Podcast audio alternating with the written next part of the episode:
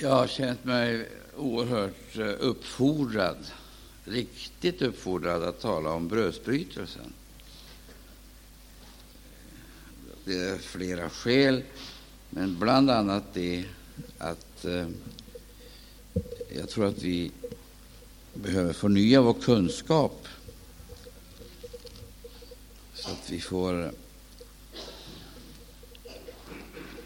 klart för oss vad brödsbrytelsen betyder. Men jag skulle vilja börja med att läsa i Hebreerbrevet. Alltså Hebreerbrevet det är ju ett oerhört omfattande brev, alltså synnerligen lärorikt. Och det är kanske tid att studera det ingående. Eh, det är så många ting som kommer fram eh, i eh, Bibeln som vi kanske inte lägger märke till därför att vi inte är vana vid att fånga upp de här detaljerna. Det kan i sin tur bero på att vi har liksom inte samma bakgrund och vet kanske inte alla gånger förhållandena eh, som har eh, framtvingat de här breven. Det har en viss betydelse att vi känner till det. Och om vi läser nu Hebreerbrevet 10, Hebreerbrevet 10, så handlar ju det om Kristi fullkomliga offer. Ja, Kristi fullkomliga offer. Jag eh, tänkte nästan lite kätterskt när sysselsatte vi oss med det senast. Förstår man rätt? Vi kanske lägger tyngdpunkten för ofta på fel ställe så att vi eh, alldeles för lättvindigt glider bort ifrån själva fundamentet, för det är ju försoningen. Och då slog det mig en tanke, när var vi i Romarbrevet senast? Exempelvis 6, 7 och 8.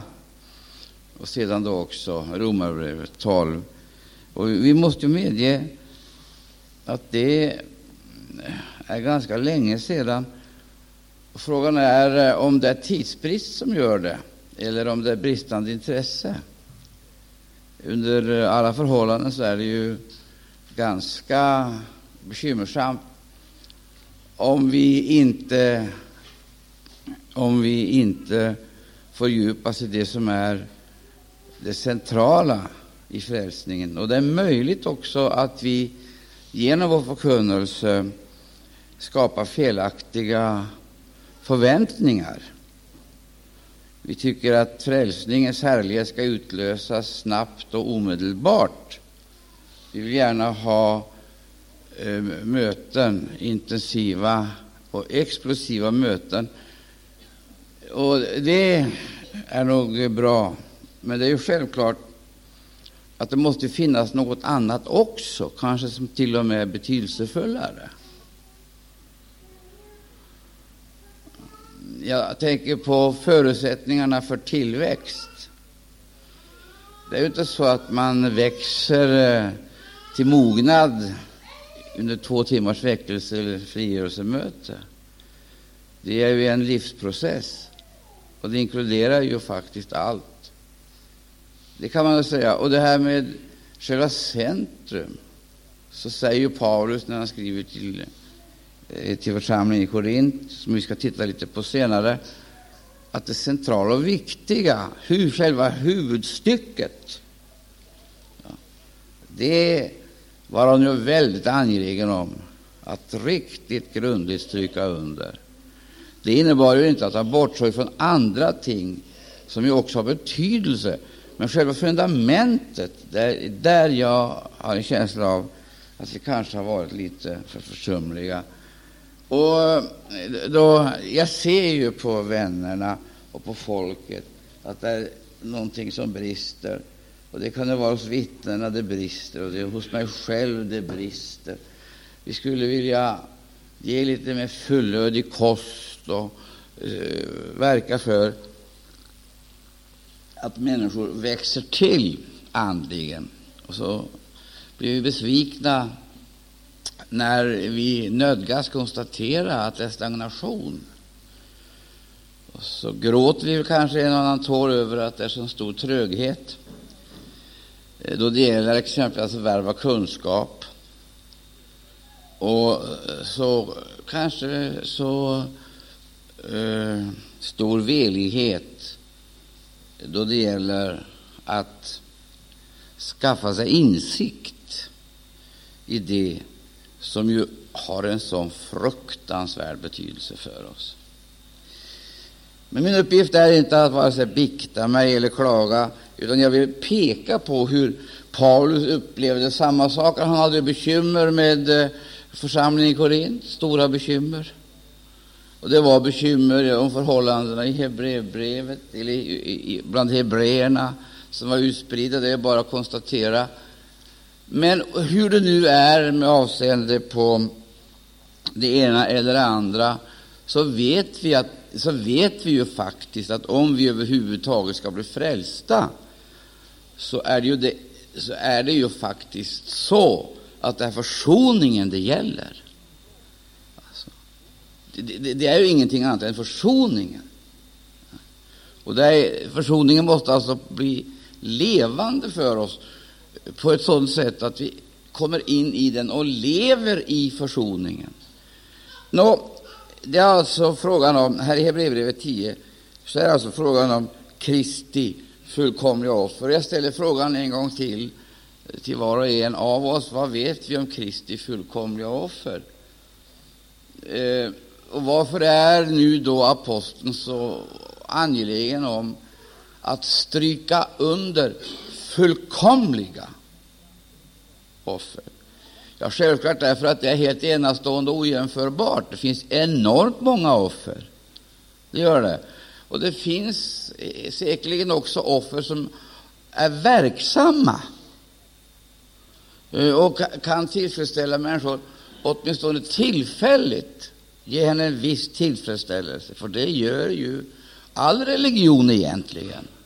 Så fort det är frågan om offer så ligger det ju i detta något mystiskt och hemlighetsfullt.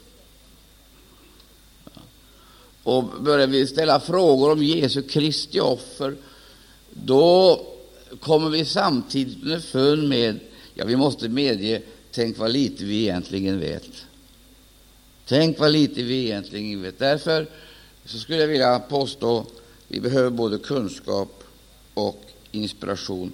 Kristi fullkomliga offer. Och sen när han kommer ner i det här brevet så manar han till frimodighet, alltså att frimodigt gå in i den himmelska världen, i den himmelska helgedomen.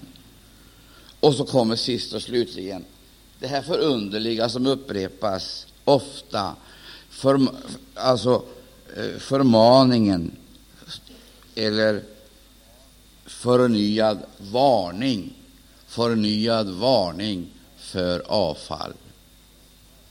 Det jag nu har sagt det ger oss många tankemödor, skulle jag vilja tro. Eh, om vi börjar Kristi fullkomliga offer. Det är självklart att det här är väldigt uppfordrande. Väldigt uppfordrande. För att Stämmer det som Bibeln säger, vilket vi ju tror, att Jesus Kristus har uppstått från de döda, så vet vi ju att han har dött för oss. Icke sant? Det vet vi ju. Så det är ingen som vill diskutera den saken. Men det finns ju någonting mera än detta, att han har dött för oss. Vad innebär det faktum att Jesu Kristi offer är fullkomligt? Ja, han har dött för oss. Varför? Och vad är avsikten med detta? Och Då har vi en hel del svar som är ganska enkla och självklara för att vi ska bli frälsta och så vidare. Men det blir ändå lite problem när vi säger det här. Därför att jag är inte helt övertygad om att vi alla gånger är så speciellt medvetna om vad frälsning egentligen är.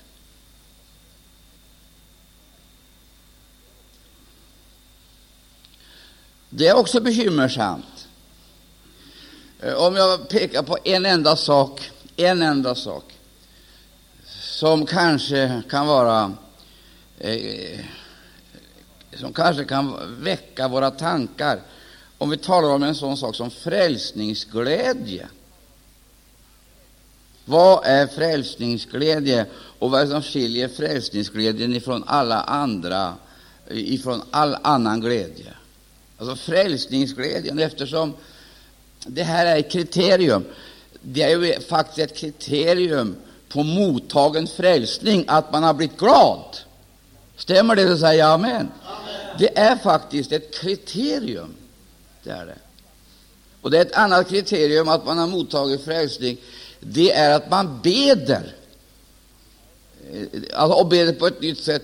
Saulus av Tarsus han hade ju bett hela sitt liv och det hade möjligen gått i taket. Men så helt plötsligt så beder han så det hörs i himlen. Och himlen börjar intressera sig för hans böner. Det sägs nämligen, gå dit. Där är Saulus av Tarsus. Se, han beder. Det, då var det någonting annat. Då blev hans böner hörda i himlen. Och det är väl egentligen det som är avsikten. Annars så kan ju vi lätt bli bönekvarnar och vi kan bedja böner som till och med är så själviska eh, så att Gud äcklas av dem.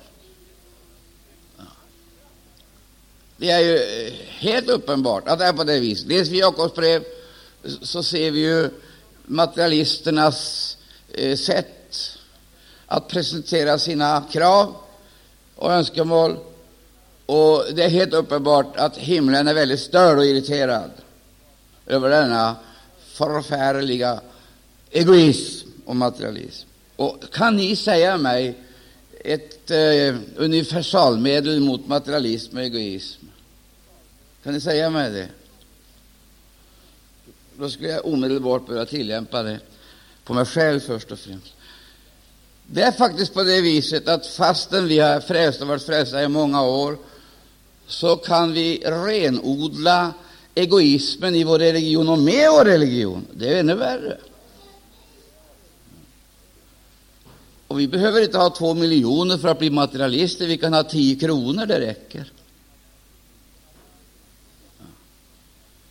Alltså, det är alltså inte frågan om kvantiteterna här, utan det är helt enkelt frågan om kvaliteter. Det är så fruktansvärt vanligt att vi beder självmedömkans böner, självgodhetens böner, alltså själviskhetens böner. Det är ett dystert kapitel. Vi ska inte hålla på med det på förmiddagen, för då sjunker vi ner i den djupaste förtvivlan. Men jag bara ställer frågan rent generellt, vad ska man göra för att bli av med materialismen, som eh, nu har ett sådant oerhört inflytande över oss, och egoismen?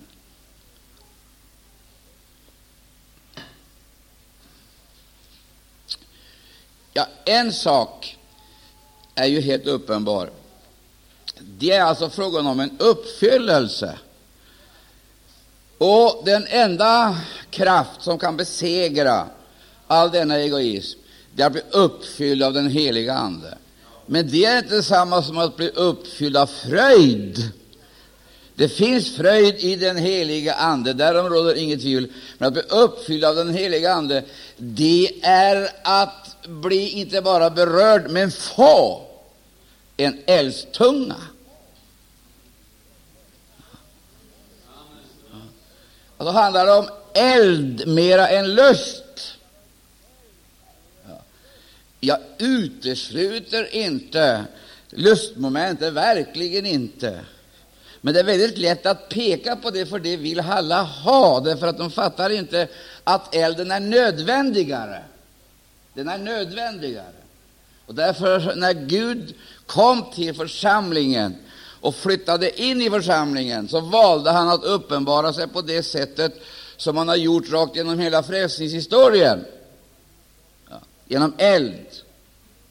För att det är alltså en grundlag, höll jag på att säga detta, att den Gud som svarar med eld, alltså Guds identitet, den Gud som svarar med eld, han är Gud. Där har du hela eh, hemligheten koncentrerad eh, i en enda punkt. Och Jag citerar det här en gång till. Den eh, Gud som svarar med eld. Och det behöver vi höra i en tid då man så är så benägen att halta på båda sidor. Hela församlingen är låghalt, skulle man kunna säga, i sitt vankelmod, haltar på båda sidor och lyssnar till så många förundliga profetior, falska profeter. Då måste det, det måste upprättas en lydnad. Och det tror jag att vi är, måste förstå.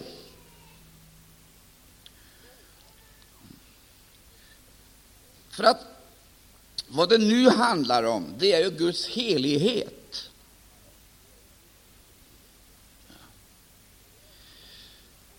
Och du ser ofta elden förtärde, elden förtärde, elden förtärde både människor, djur och egendom, då det var nödvändigt. Och elden gick in i lägret och gjorde sina operationer, men också in i helgedomen. Så till den milda grad uppenbarade sig elden att de tjänsteförrättande prästerna de bars ut med fötterna före. De gick in, men bars ut. Frågan är vad som hade hänt. En palatsrevolution, eller vad vi vill kalla det, då dessa fruktansvärda krafter bröt igenom. Och det visade sig vad prästerna egentligen höll på med. De fortsatte att utöva gudstjänsten eh, efter att de hade riktigt eh, ja, de hade riktigt försummat detaljerna att vårda elden. De hade nämligen druckit så till den milda grad att de försummade att göra, utföra sin dagliga tjänst.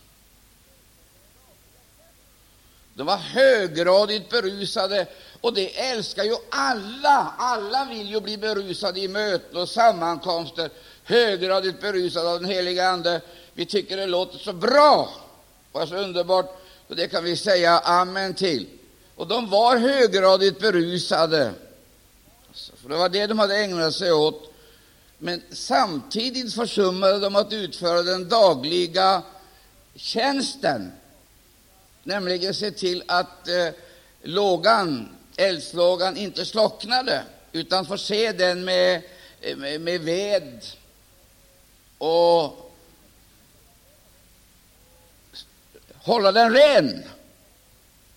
Så lågan var ren och eh, den hade näring. Den skulle ha, eh, så att säga, en daglig, ett dagligt tillskott varje morgon, och den fick inte slockna. Men eh, förmodligen så hade de, så att säga, berusat sig så till den milda grad att de tappade kontakten med verkligheten, och de hängav sig åt detta och upphörde med att vårda det som ålåg dem att sköta. Jag undrar om inte detta är den stora synden. I alla tider, i varje fall böjelsen, det är höggradig berusning, så att man försummar vårda elden. Det var två saker de skulle eh, se till att det fanns var två saker. Och för elden kom nämligen ifrån brännoffersaltaret. Därifrån kom elden, den eld som Gud hade tänt. Och den bars in. Och nu var det viktigt att det här inte får slockna, utan elden den måste dagligen, varje morgon, den måste ha offer. Det dagliga offret. Och så måste den ha ved. Och där har du två saker. Det dagliga offret och sedan veden. Det, det, det har du tillskottet av Guds ord. Så, så, så att lågan icke slocknade. Men de hade förfriskat sig med vinet. Och vinet har sin funktion, det har sin plats, men det får inte slå ut det andra. Alltså, den här, ska jag kalla det för, denna uppfyllelsen av den heliga Ande på det här sättet, det gör alltså inte den dagliga eh, tjänsten vare sig överflödig eller på något vis kan ersätta den. Jag skulle vilja säga så här, vi behöver en daglig förnyelse för att elden ska kunna brinna i vårt liv. Och saknar vi den så hjälper det inte om vi blir höggradigt berusade.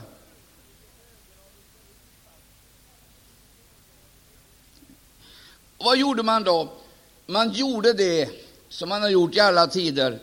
Och det är lite mödosamt att tala, det vill jag medge.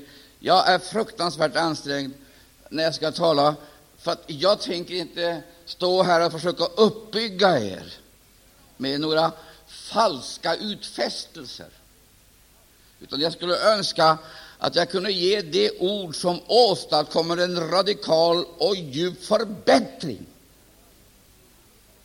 ett djupare andliga liv och framför allt ett sannare andligt liv.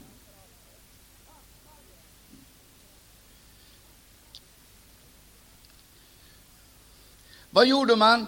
Jo, man gjorde precis det som är, har varit så, så vanligt eh, i alla tider, nämligen den eld som kom ifrån brännofferaltaret och inte kunde imiteras.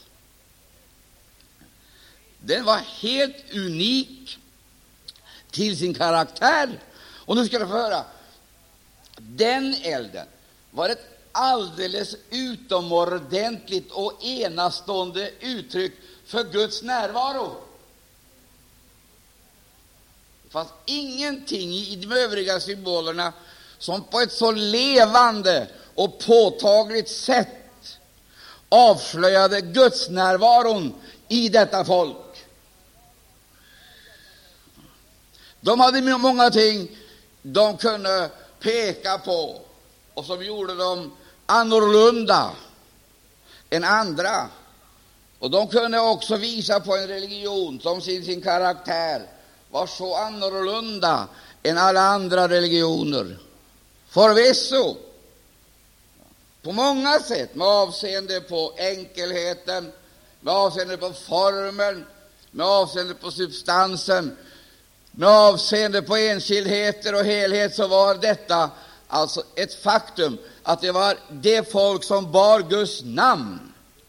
Gud bekände sig till dem, men det var trots allt ingenting av allt det övriga som de förfogade över och använde för att proklamera och demonstrera Gudsnärvaron. Det fanns ingenting som så påtagligt skilde dem ifrån alla andra som just elden. För den hade inte Mose tänt, eller Aron eller prästerskapet. Alltså, den var inte naturlig, den var övernaturlig. Och den fick inte bli något annat, för då sjönk alltsammans ned på ett mänskligt plan. Och, kan, och då kunde man ägna sig åt eh, att försöka ersätta det med fyrverkerier eller illuminationer. Men det var definitivt inte någonting annat än ett sken och en kraftlös ceremoni. Alltså, själva det, det signifikativa, det typiska för Israels folk, var Guds närvaro. Gud bodde bland dem. Stämmer det? säger jag med.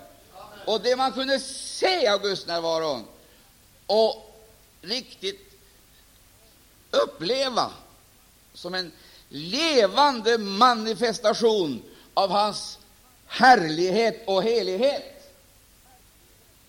Det var ju faktiskt det här ljuset som upplyste, eh, upplyste prästen då han fullgjorde sin tjänst och sedan upplyste allt det som ägde rum där framme. Eh, och det var ju det lyset som kastades emot prästen och, och, och uppenbarade hans eh, eh kläder och hans person och eh, symboler och allt sammans. Allt sammans detta. Eh, nådastolen också, eh, skulle man ju kunna säga, därför att det var ljuset ifrån elden som uppenbarade vem Gud var. Ingenting annat. Det fanns inget ljus utifrån. Det fanns inget fönster eller något annat ljus. Ljuset som uppenbarade översteprästen, det var elden som Gud hade tänt. Och det tycker jag faktiskt räcker idag. För det är det det är frågan om. Om Jesus Kristus ska bli uppenbar så vi kan se och förstå honom, då måste det finnas en sådan eld som lyser. Och Det kallas i Bibeln för uppenbarelsens eld, till skillnad ifrån den vanliga och naturliga elden.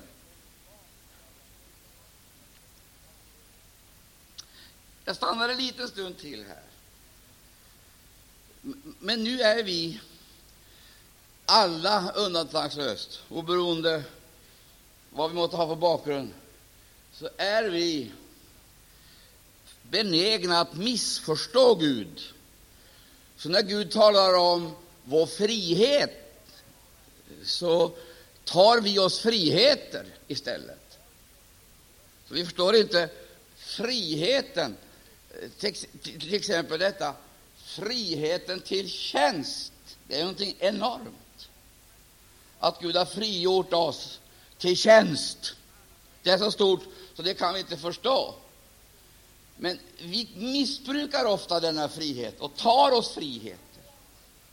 Och till de här friheterna det är att vi missbrukar nådegåvor, vi missbrukar tjänsterna, vi missbrukar nåden, vi, vi missbrukar praktiskt taget allt det Gud har gett oss. Vi missbrukar det. Och så blir det då, får det motsatt verkan än det som det var avsett ifrån början. Och det var precis vad de här eh, prästerna gjorde.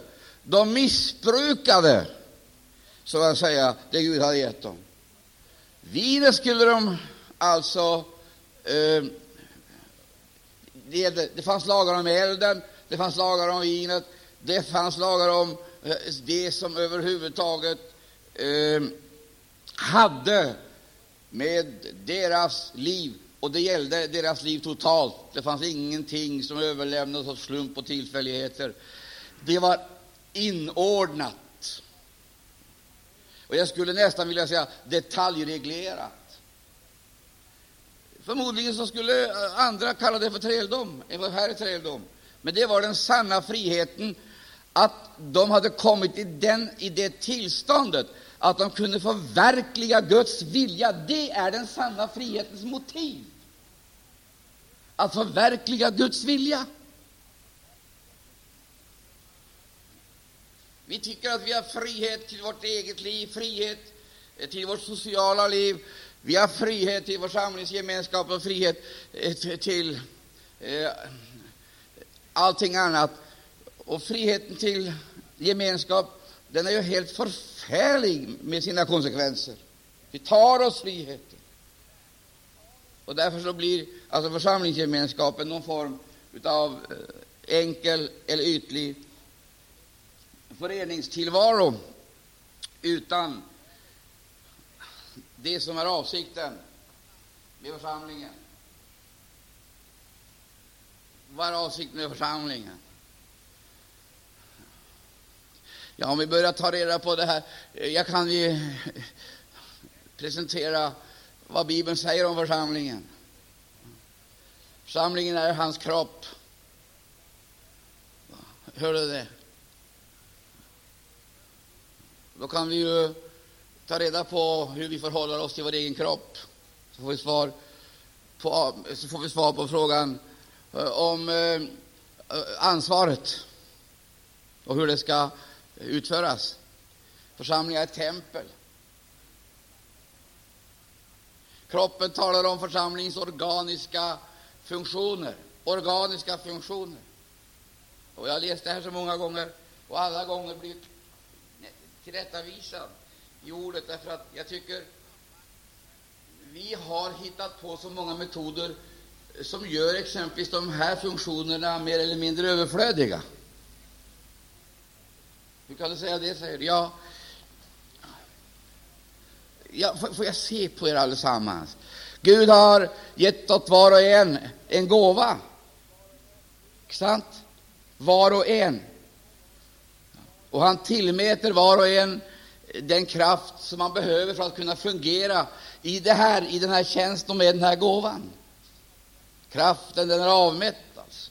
och det har med funktion och tro att göra. Jag lämnar den saken. Jag frågar, hur är det exempelvis med vår beredvillighet att tjäna Gud?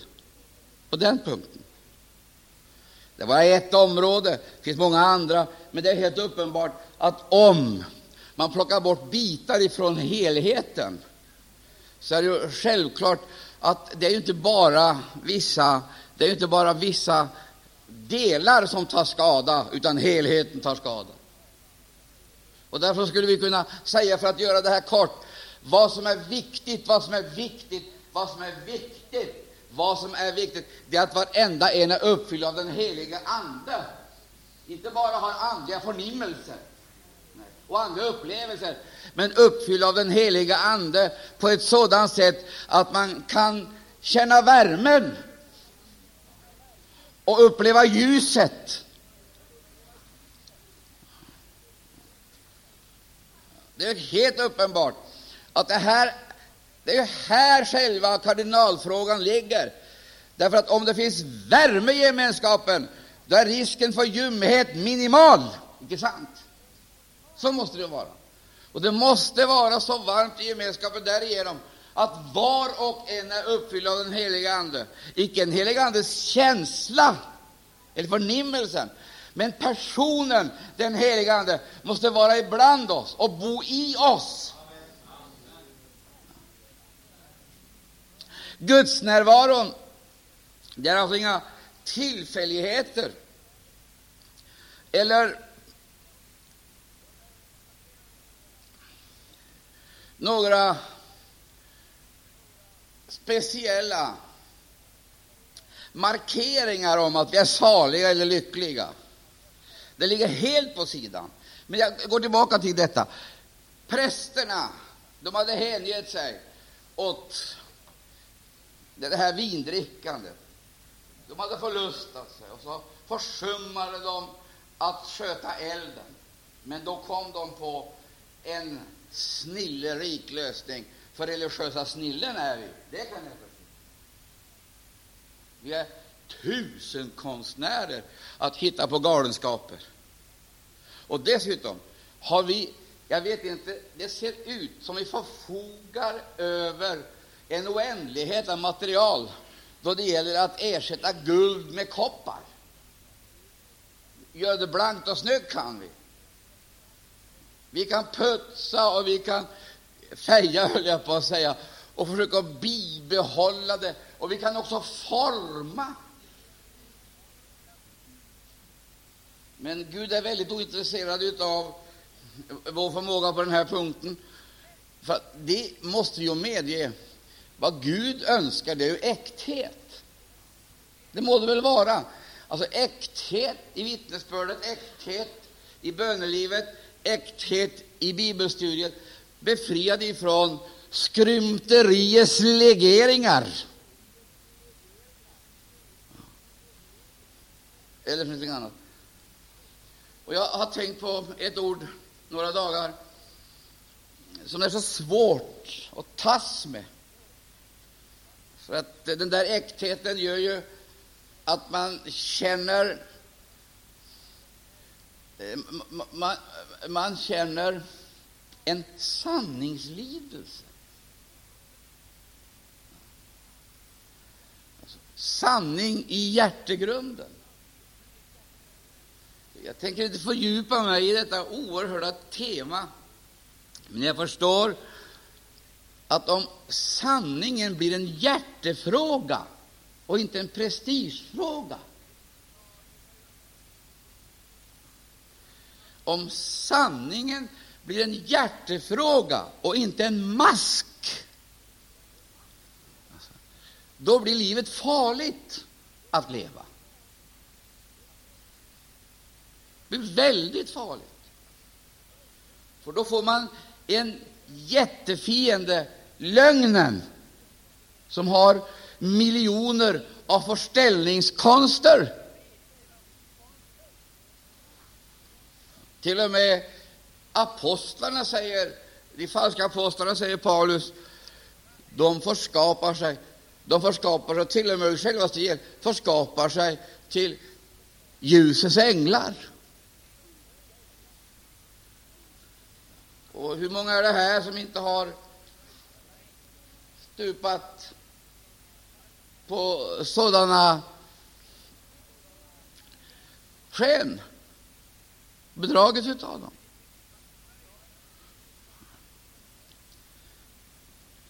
Nu ska jag inte fördjupa mig mer här, för att det här kommer att bli förfärligt. Det är inte tid för något ytterligare bibelstudium. Du förstår, när Jesus stod på korset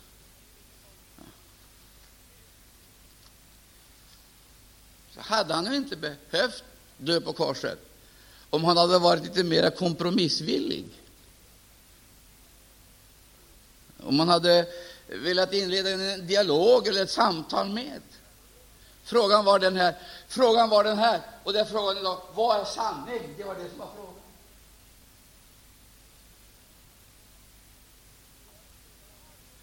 Det var själva det var själva kardinalpunkten i hela denna uppgörelse. Det var vad är sanning? Och den frågan den är idag lika aktuell. Vad är sanning? Vad är sanning? Och vi kan göra den personlig. Vad är sanning om Jesus Kristus? Det har den helige Ande uppenbarat för oss.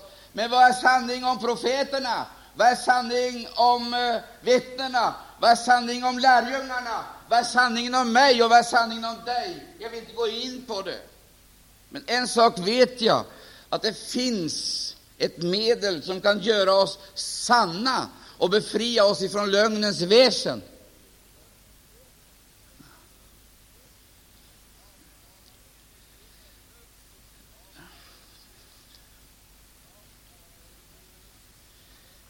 Vad är sanning om vårt vittnesbörd? Vad är sanning om våra böner? Vårt, bibel, eh, vårt bibelska, vad är sanning om detta? När vi inbillar oss och andra ideligen att vi kan så att säga komma förbi de här sakerna, komma förbi de här sakerna, underlåta att sköta det här och ändå vittna om att det är härligt att vara frälst.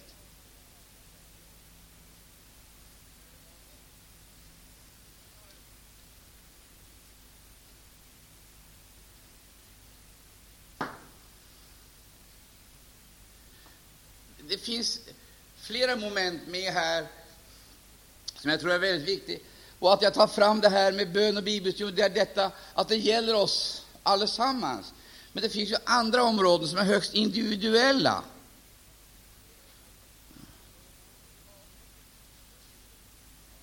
Högst personliga. Där man kan ställa frågan vad är sanning med avseende på vårt förhållande till varandra?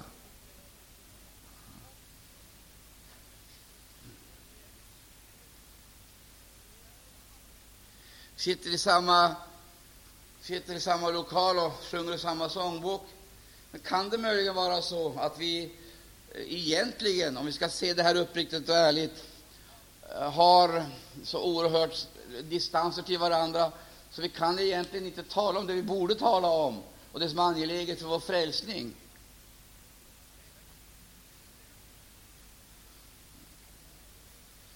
Jag menar, inte, jag menar inte att vi ska etablera oss i en diskussionsklubb. Det är inte det jag menar.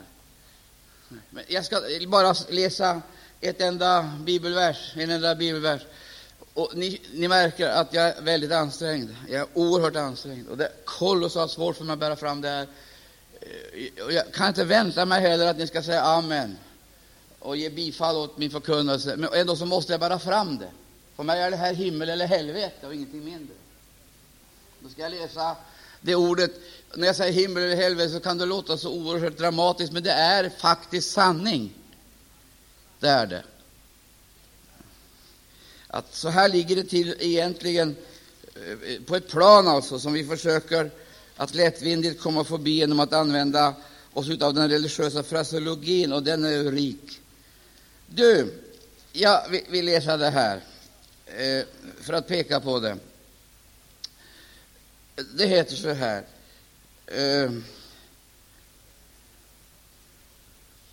i Efesierbrevet. Jag bara citerar det. Vi ska återkomma till andra bibelord om en liten stund. Där står det så här att i, då, då detta nu krävdes på grund av vederföra vandel, detta krävdes, detta krävdes. Alltså, här möter vi tidigt och konkret den omutliga sanningen, alltså de krav som ställs på var enskild individ om man ska ha rätt att kalla sig kristen. Jesus sa ofta, kan inte vara min lärjunge den som eh, sätter sin hand till plogen och ser sig tillbaka, ser sig tillbaka. Det är ett ord som inte är så lätt att smälta, ta emot och smälta, men det måste smältas. Den som eh, sätter sin hand till plogen och ser sig tillbaka. Vad innebär det här, vad Jesus vill ha sagt?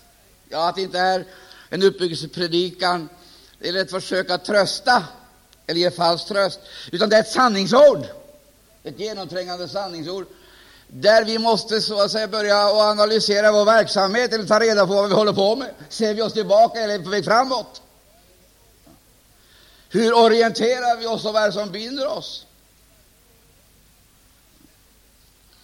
Den som sätter sin hand till plogen och ser sig tillbaka. Vad är det Jesus vill ha sagt? Ja, det vet du väl. Det var ju det som var Lots hustrus problem. Hon såg sig tillbaka.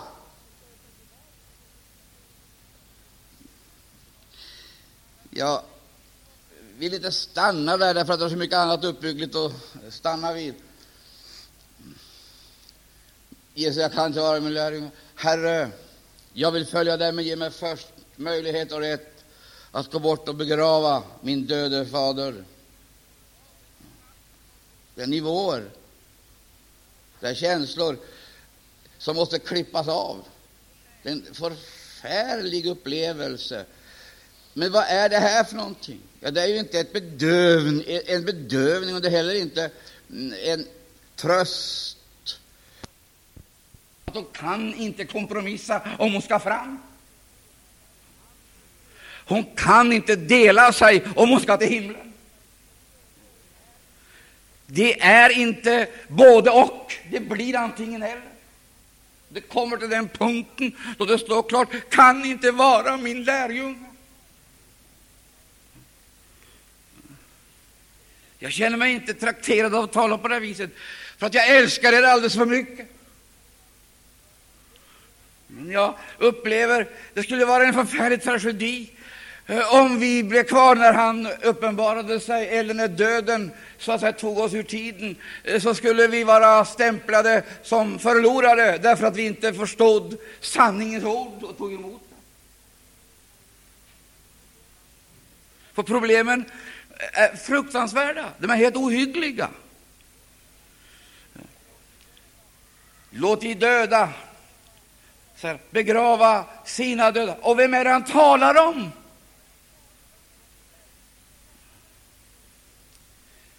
Det är helt uppenbart att det är frågan om en förfärlig uppgörelse med allt det vi är och representerar av känslor och relationer till personer och ting i den här världen, där döden härskar. Och vi måste befrias ur dödens käftar och bevaras i det liv som är av konungslig välde och härlighet och inte duka under eller så att säga glida tillbaka eller bli efter.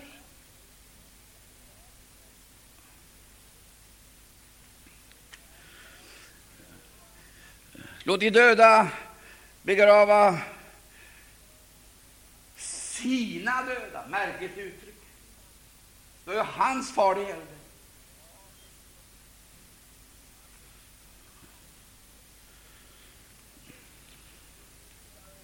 Så läser vi vidare på olika platser i Bibeln det som vad har Bel att skaffa med Kristus?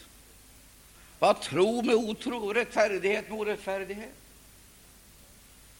Så står det så kommer vid en död. Han är förorenad och besmittad. Är det underligt att det känns tungt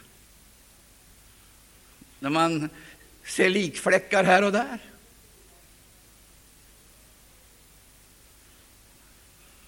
Och man ställer frågan mycket allvarligt. Den kan vara humoristisk och den kan vara ironisk, men här är den mycket allvarlig. Är det så att vi ska balsamera lik med religiösa finesser? verksamhetsmetoder, tekniker och allt vad det nu är som helvetet erbjuder mänskligheten för att erövra varenda människa till avgrunden.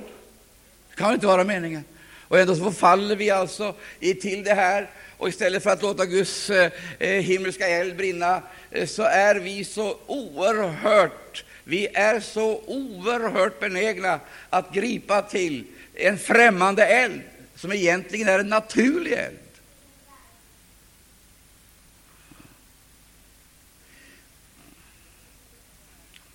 Jag ska läsa det här. Jag ska läsa det igen. Och ni ska veta att får jag inte hjälp nu så stupar jag. Ni får bedja för mig, för jag, jag får inte fram det här. Det är kanske endast genom en... Det måste skapas eller födas i, i, i en bönatmosfär.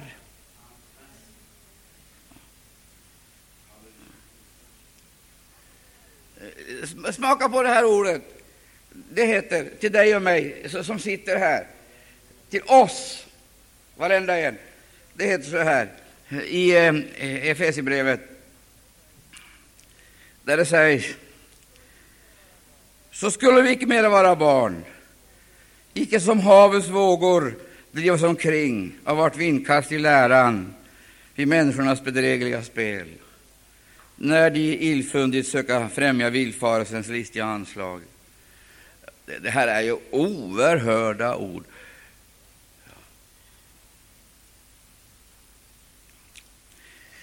Det, det, det, här är kolossala ord. Och jag ska ta det ord för ord. Det är ingen mening att du fladdrar iväg hem som du kom hit.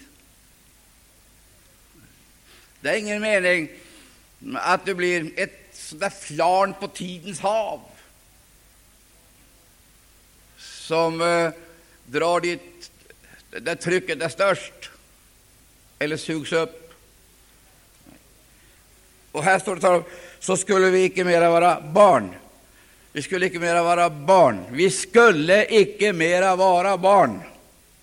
Det är fråga om tillväxt och mognad. Och att man på ett moget sätt ska ta ställning till frågor som är av helt avgörande karaktär och natur för gemenskapen. Men inte bara för gemenskapen, för gemenskapen kan gå vidare utan Guds ande. Utan det är frågor som vi måste lösa för att den helige Ande ska vara ibland oss. Vi måste lösa det. Ja, det är emot dig att du har övergivit din första kärlek. Det går inte att säga att Gud, nu måste du ge oss den första kärleken. Och därest du inte bättrar dig, då ska jag ta ljusstaken ifrån dig. Det vill säga, då kommer uppenbarelsen att gå förlorad. Du kan fortsätta verksamhet utan uppenbarelse. Du kan fortsätta verksamhet utan det gudomliga ljuset. Du kan tända främmande eld, naturlig eld, och det går bra. Tycks det. Men det är alltså sekunda. Därför så manar jag dig Vad då? Jag manar dig, inte att marschera vidare. Men se till att du får tillbaka det du har förlorat.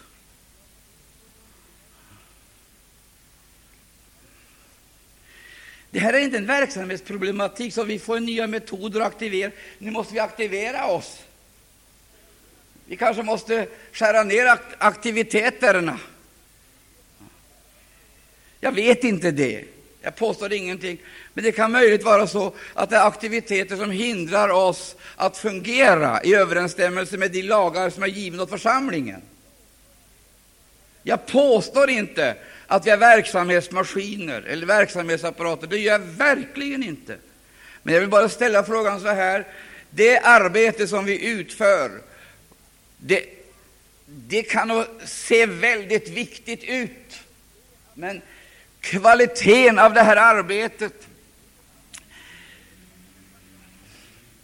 den kan vi aldrig testa genom att se människorna i rörelse. Det kan vi inte.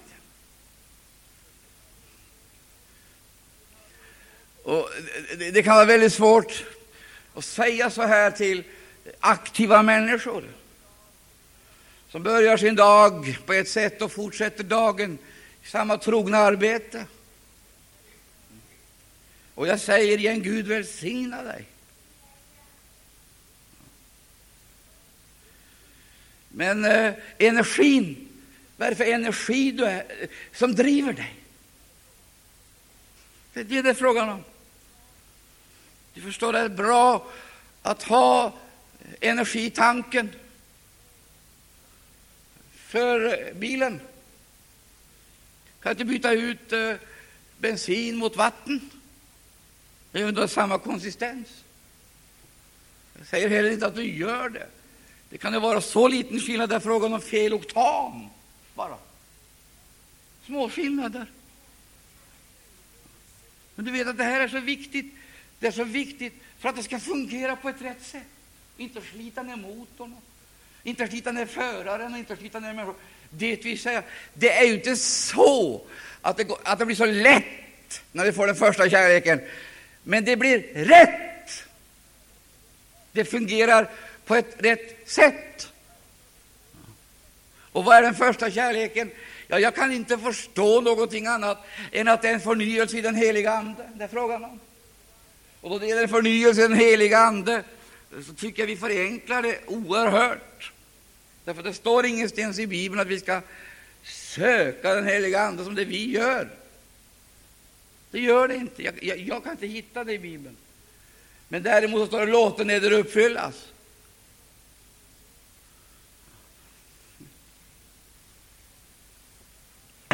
Får se? Häromdagen så kom det ett ord till mig. Pröva mig. Och då gällde det en sak, det gällde offerlivet. Pröva mig.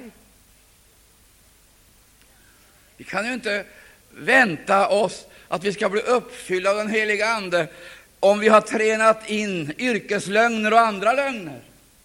Vi ljuger för Gud att vi inte har tid.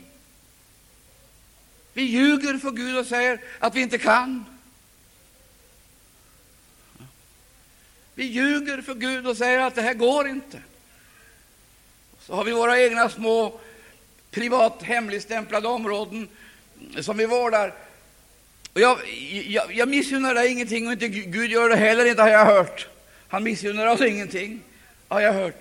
Men vad han framför allt önskar att vi ska äga, det är överflödslivet. För att när vi får överflödslivet, då går allting så annorlunda. Då förenklas allting. Och då förtätas allting.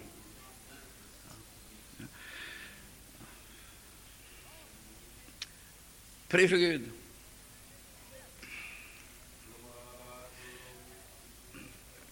Så här står det, och jag måste läsa det igen. Käre Gud. Det heter i Efesierbrevet. Så skulle vi icke med våra barn, icke såsom havets vågor, drivas omkring av vart vindkast i läran, vi människornas bedrägliga spel, när det illfundet söka främja villfarelse listiga anslag. Så hör här, ta emot detta idag. Nej, vi skulle då hålla oss till sanningen. Hörde du det?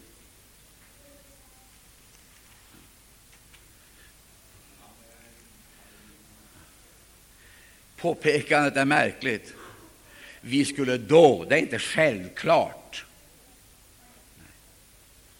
För att vi utsätts för frestelser och gör fullständigt felaktiga val, och konsekvenserna uteblir aldrig. Och ibland fattar vi beslut och gör val så att vi gör sällskap med lögnen. Lögnen kan vara personifierad på många olika sätt, i idéer, i individer, i system och i annat, inspirationer, visioner. Och vi gör sällskap med lögnen.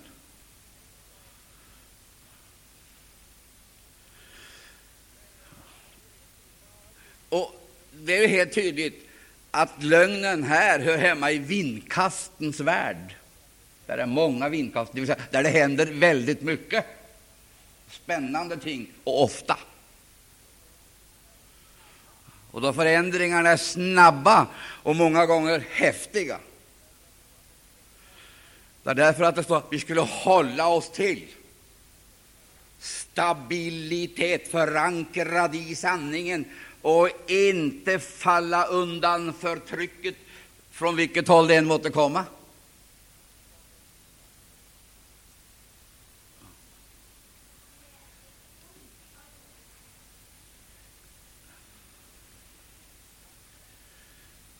Vinkasten de är oerhört engagerande, och de vill ha oss i rörelse för att vidtaga åtgärder eller utföra ting som vi tror är nödvändiga och som tillfället så att säga provocerar fram.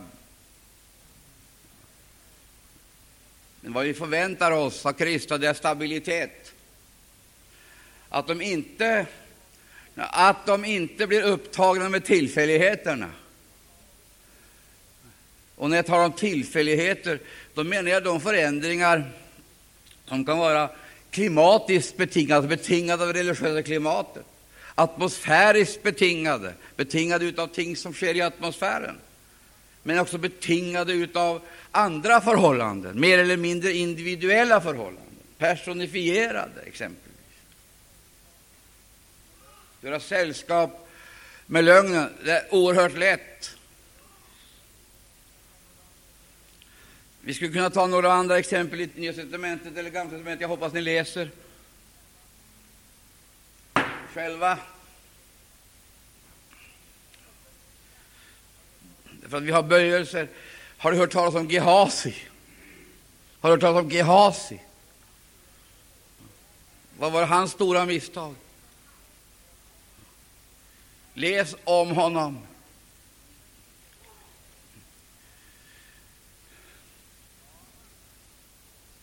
Naman blev befriad ifrån sin spetälska.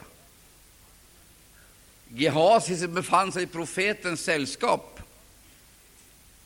Han drabbades av det. Allt sammans kommer från himlen och hade sådana dubbla effekter. Den ena blev fri och den andra blev vit som snö av spetälska. Allt detta skedde i profetens närhet.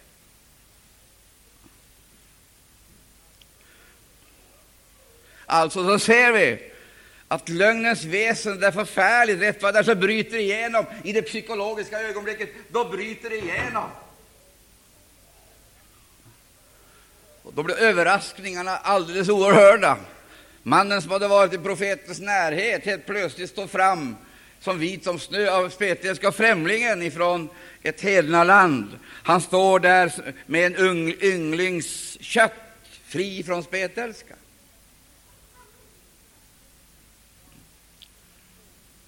Jag bara påminner om det här, därför att det är så oerhört viktigt att vi förstår att Guds närheten och Guds närvaron, den är inte villkorslös. Gud delar inte sällskap med oss på alla betingelser. Och är det så att vi på ett eller annat sätt öppnar för lögnens väsen eller lögnens, lögnens inflytanden, så viker härligheten bort. Och därför så manas vi också, som en konsekvens av det jag nyss har läst, nej, vi skulle då hålla oss till sanningen och i alla stycken i kärlek växa upp till honom som är huvudet Kristus. Vi skulle då hålla oss i sanningen, och så kommer det.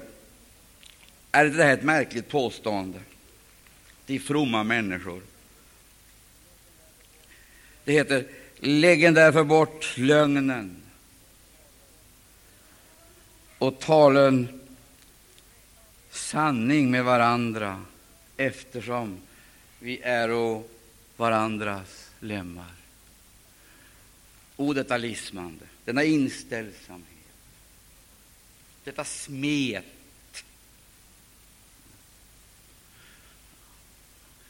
Usch, vad äckligt det är. Och usch, vad lätt vi blir smittade. Ska inte så särskilt mycket till förrän vi stupar eh, för inställsamhet, lismande.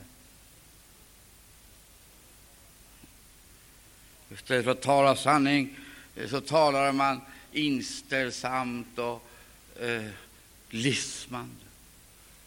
Denna publikfriande förkunnelse som vi får höra så mycket av i vår tid. Denna flört med publiken för att vinna favörer, denna kurtis.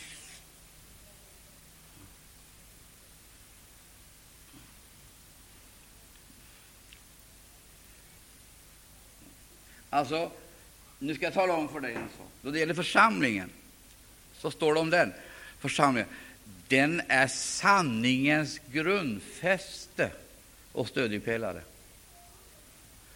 Och om församlingen är sanningens grundfäste och stödjepelare. Då förstår du vilken oerhörd betydelse församlingen har i tiden. Överallt finns lögnen, i alla former och i alla mönster. Och alla är på ett eller annat sätt anfrätt av den här lögnen, livslögnen, eller livslögnerna. Ja, du ska inte tala med mig, gör inte. Tala inte med någon annan heller. Men gå inför Herren, tala med honom. Lägg bort lögnen.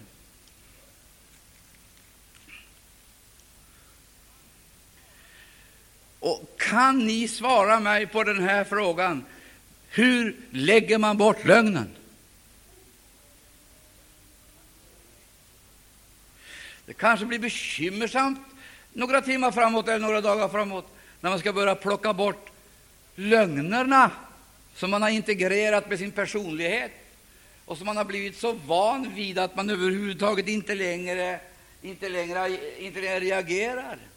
Utan det är nästan som om de har blivit, ett, de har blivit, eh, de har blivit en tillgång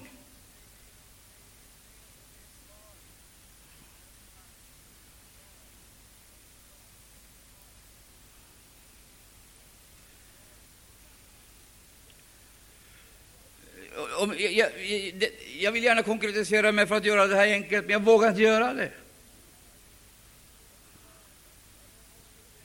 Därför så är det väldigt viktigt och nödvändigt att vi kan öppna vårt hjärta för sanningens ljus. Den eh, oförfalskade.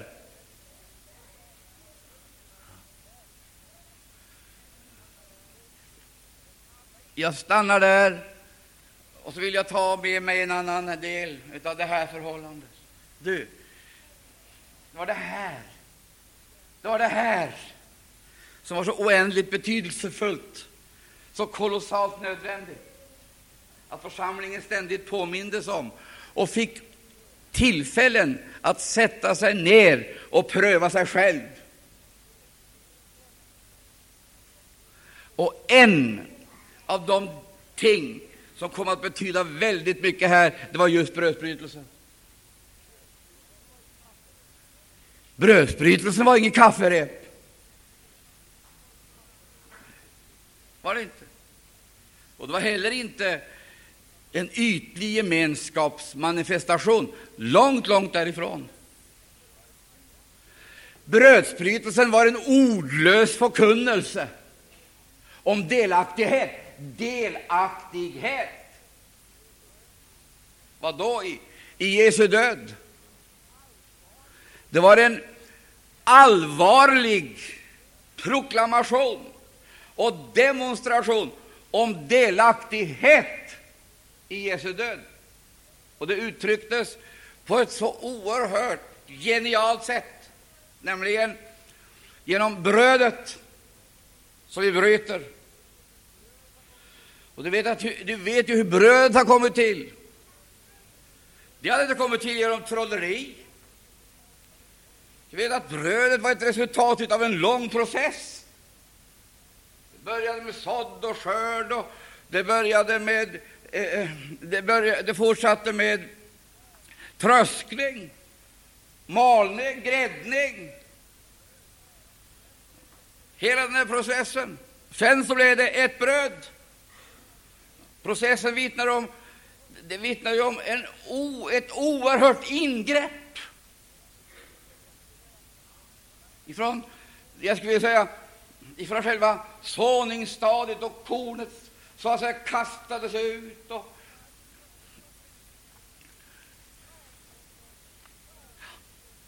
småningom skördades från åkerfälten och fördes in, tröskades, fördes in på logen.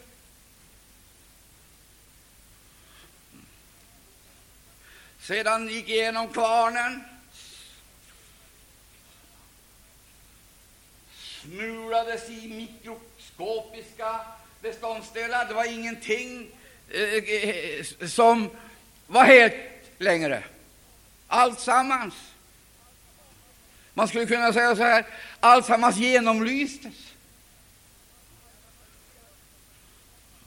Alltsammans bearbetades, alltsammans reducerades.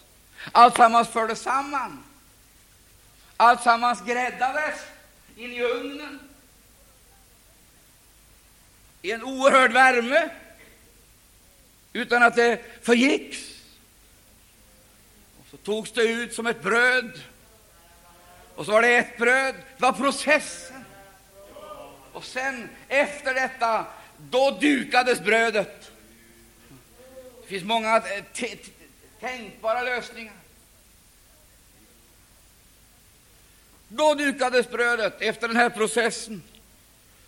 Och då tog man det här brödet som var ett uttryck alltså för delaktighet med Kristus. Men jag höll på att säga, då hade processen, sanningsprocessen utfört sin oerhörda mission, och så möter du ett rent bröd, ett helt bröd, ett hälsogivande bröd utan, utan sjukdom, utan defekter. Utan någon falskhet, utan några biavsikter. Så togs det här rena bröd, som i det ena stadiet var Kristus för oss, och i nästa moment blir Kristus i oss, Kristus genom oss. Har vi det här brödet, så bryter vi det. Bryter det på samma sätt som det här brödet har gått igenom den oerhörda process har Kristus gjort det. Han har gjort gått igenom hela den här processen tar vi det här brödet och så bekänner vi och förkunnar vi delaktighet i hans död. Och får delaktighet i hans eh, uppståndelse. Och så sägs det i ordet att vi ska hålla högtid. Inte med falskhet och orenhetens syrade bröd, utan med sanningen.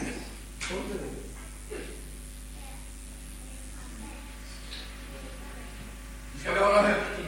Nu sitter vi inte här med vårt skrymteri längre. Nu sitter vi inte här med våra löner längre. Nu sitter vi inte här med våra biansikten längre. Nu sitter vi inte här med vår oärlighet längre. För att vi är en här och en annan i norr och på något annat ställe. Tvärtom, nu har vi delaktighet. Delaktighet. Och delaktighet, det betyder inte bara att vi har delaktighet i det här brödet. Det betyder identitet, likhet med. Kristus ljuger inte. Kristus bedrar inte. Och nu förklarar vi kraften i Jesu död uppståndelsen, så har vi slutat ljuga. Så har vi slutat bedra. Så har vi slutat skryta. Nu bekänner vi att vi har delaktighet i Jesu död. Nu har vi hälsa genom såren.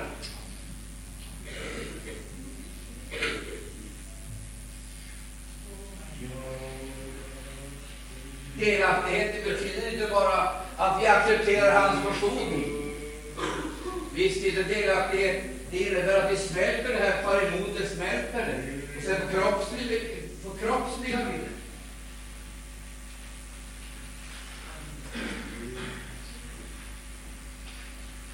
Vad jag talar om, mina älskade vänner, det är den här kontinuerliga gemenskapen med Herre Jesus Kristus.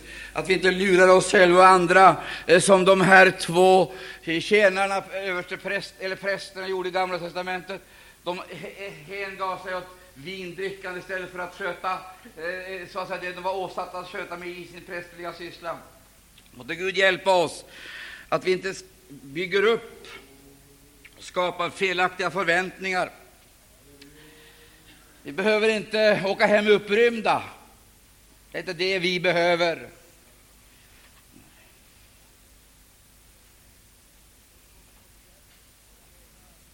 Låt oss återgå till tjänsten, börja vårda Eh, det Gud har sagt vi ska vårda, bli uppfyllda av den heliga Ande. Och se till att vi blir av med den främmande elden, den naturliga elden som gör att vi utan Andens eld sjunger, utan Andens eld vittnar, utan Andens eld arbetar, utan Andens eld, men ersatt med andra saker, idealitet exempelvis, idealitetens främmande eld. Humanitetens främmande eld.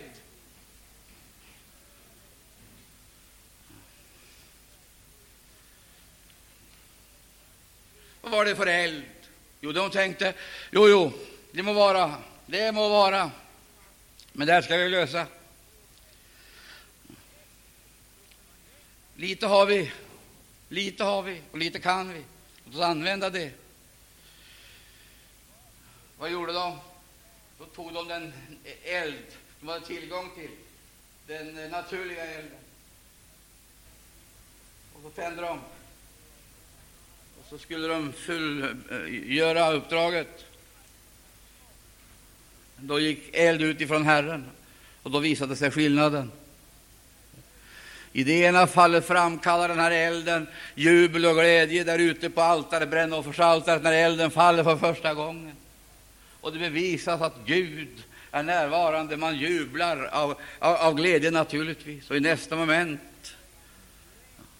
så åstadkommer Samuel tystnad. Ingen säger någonting, inte ens Aron sa någonting, han teg. Han blev klart och tydligt tillsagd, nu får du inte oordna ditt hår. Det vill säga, du får inte på något sätt ge uttryck för någon sorg eller något vemod. Han hade naturligtvis anledning att uttrycka sorg och vemod när hans söner låg döda inför hans fötter. Här är inte tillfälle för naturlig sorg och vemod. Det är Guds nåd, det är Guds kärlek.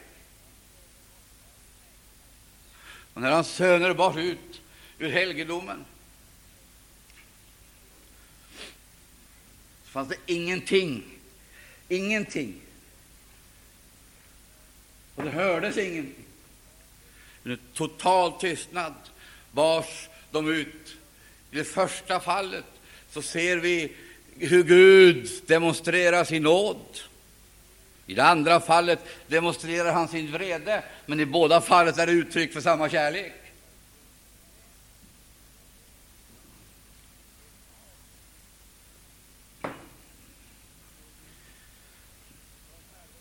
Eld utgick från Herren, och det blev stora förändringar. Verkligen stora förändringar. Det är naturligtvis fruktansvärt att vara med om en sån här oerhörd process, men jag tror att Herren måste le rena Levis söner. Frågan är nämligen den, vem ska uthärda hans tillkommelses dag? Och du broder och syster, verkligheten är ju den, dagen kommer då vårt verk ska prövas i eld. Det ska ju prövas i eld. Och Gud vill att verket som vi är inne i inte ska bli ett verk som bränner upp. Därför att det är uppbyggt av tre hö och strå. Utan vad han åstundar och vill, det är att det ska bestå. Då är det frågan om materialet och materialanskaffning och materialbearbetningen och uppbyggnaden och alltsammans det här. Gud vare lov, det är inte vårt hus, det är ditt hus. Du har sagt att du ska vårda dig om din församling. Du vill bo i församlingen. Till sist, när eh, Paulus skriver till, till eh, eh, Korint så är det så oerhört mycket han hinner med i det där brevet, första brevet. Men då han talar om brödsbrytelsen då säger han en mening som jag ska avsluta det här mötet med. Inför brödsbrytelsen gäller det här pröva de människan sig själv. Pröva de människan sig själv. Och därför att det har gått snett här, säger han, så har det här motsatt verkan. Det ska vara hälsomåltiden, uppbyggelse, och frälsnings och reningsmåltiden. Men eftersom det har gått snett här så är många sjuka. Ibland är det. Och några har dessutom gått en tidig död för, i, i mötes. Så gör han klart för oss vilka krafter som vi nu egentligen utmanar och som säkerligen eh, kommer att eh, kräva eh, kräva sin tribut. Pröva de människan sig själv Gode Gud, tack för det här tillfället, tack för det här tillfället att vi får sätta oss ned i lugn och ro, ta ställning inte till verksamhetsfrågor och personer med förhållande till dig. Och nu, Herre, innan vi tar brödet och bekänner vår delaktighet, delaktighet med dig i din död och i din uppståndelse, delaktighet vi prövar oss själva, delaktighet med dig, du som är som är eh, sanningen. När vi själva, vårt förhållande till varandra, för att när vi nu tar vår del så predikar vi samtidigt för förstarna eh, den osynliga andevärlden delaktighet med varandra. Sann delaktighet med varandra. Det kallas för församlingsgemenskap, syskongemenskap. delaktighet med varandra. Och kära Herre Jesus Kristus, vi går rakt över till brödsbrytelsen. Så ber vi dig om klarhet på den här punkten.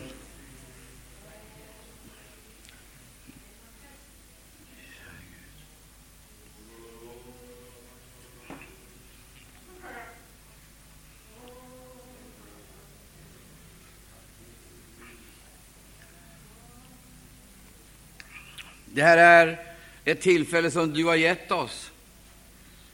Ett tillfälle då vi får sitta ner, ta emot ifrån dig, kära Herre Jesus Kristus, det du har att ge. Vi förstår inte allt förvisso. Vi kan inte allt förvisso. Vi kan inte ens bedöma oss själva, men vi överlämnar oss åt dig och ber dig om din hjälp. Ber vi dig om villighet att ta emot ditt ord. Villighet att ta emot ditt ord. Hjälp oss att lägga bort det som är till hinder. Hjälp oss att lägga bort det som skadar. Hjälp oss att lägga bort, kära Herre Jesus, det som stör eller förmörkar gemenskapen. Hjälp oss att göra det nu. Jag beder, och Fader i Jesu namn. Amen. Vi ska sjunga den här kören tillsammans.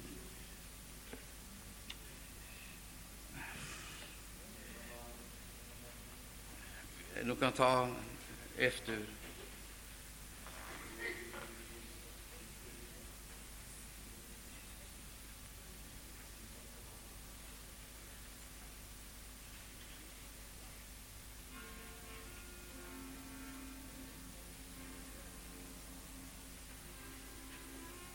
Paul.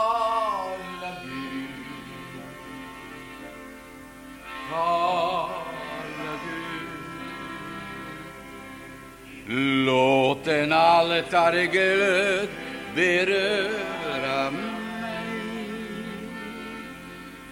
Tala Gud,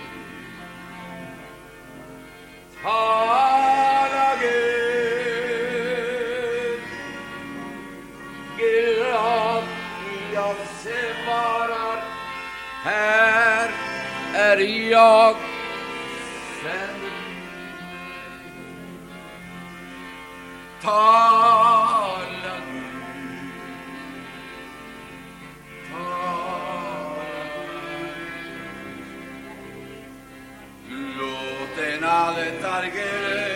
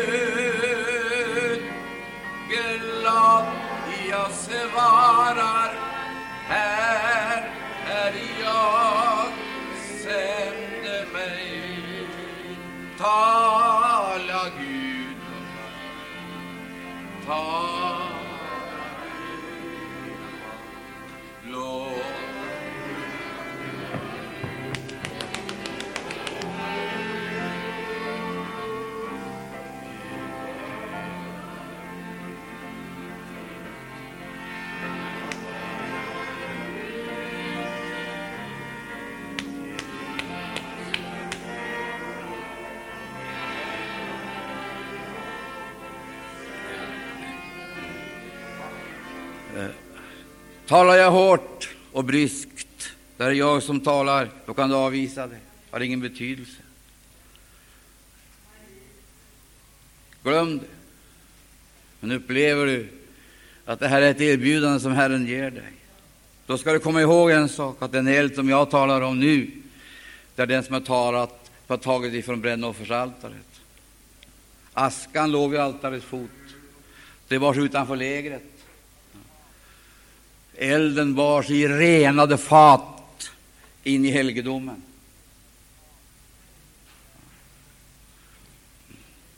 Det vill säga, det är frågan om ursprunget.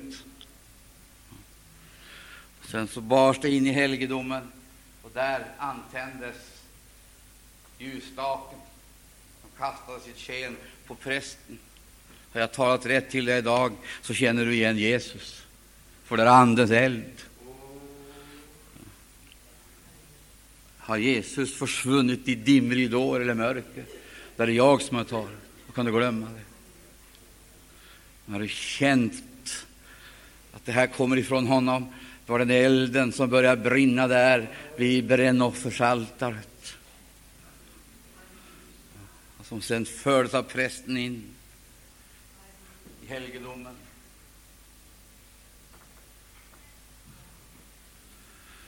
Ära vare Gud.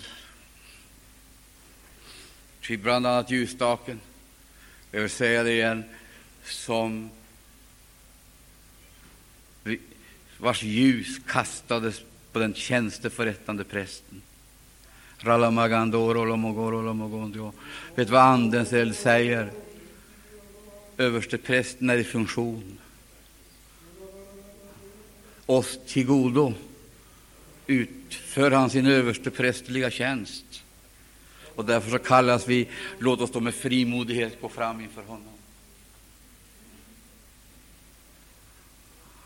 Inte fortsätta som om ingenting har hänt, men omvända oss och överlåta oss så att han får tända elden på nytt igen, eller så att säga förnya oss i den heliga Ande.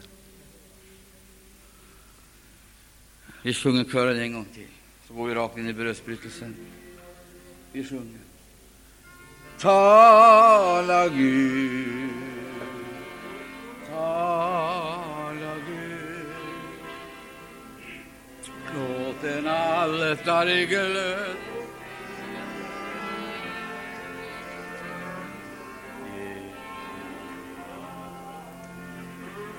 Tala Gud.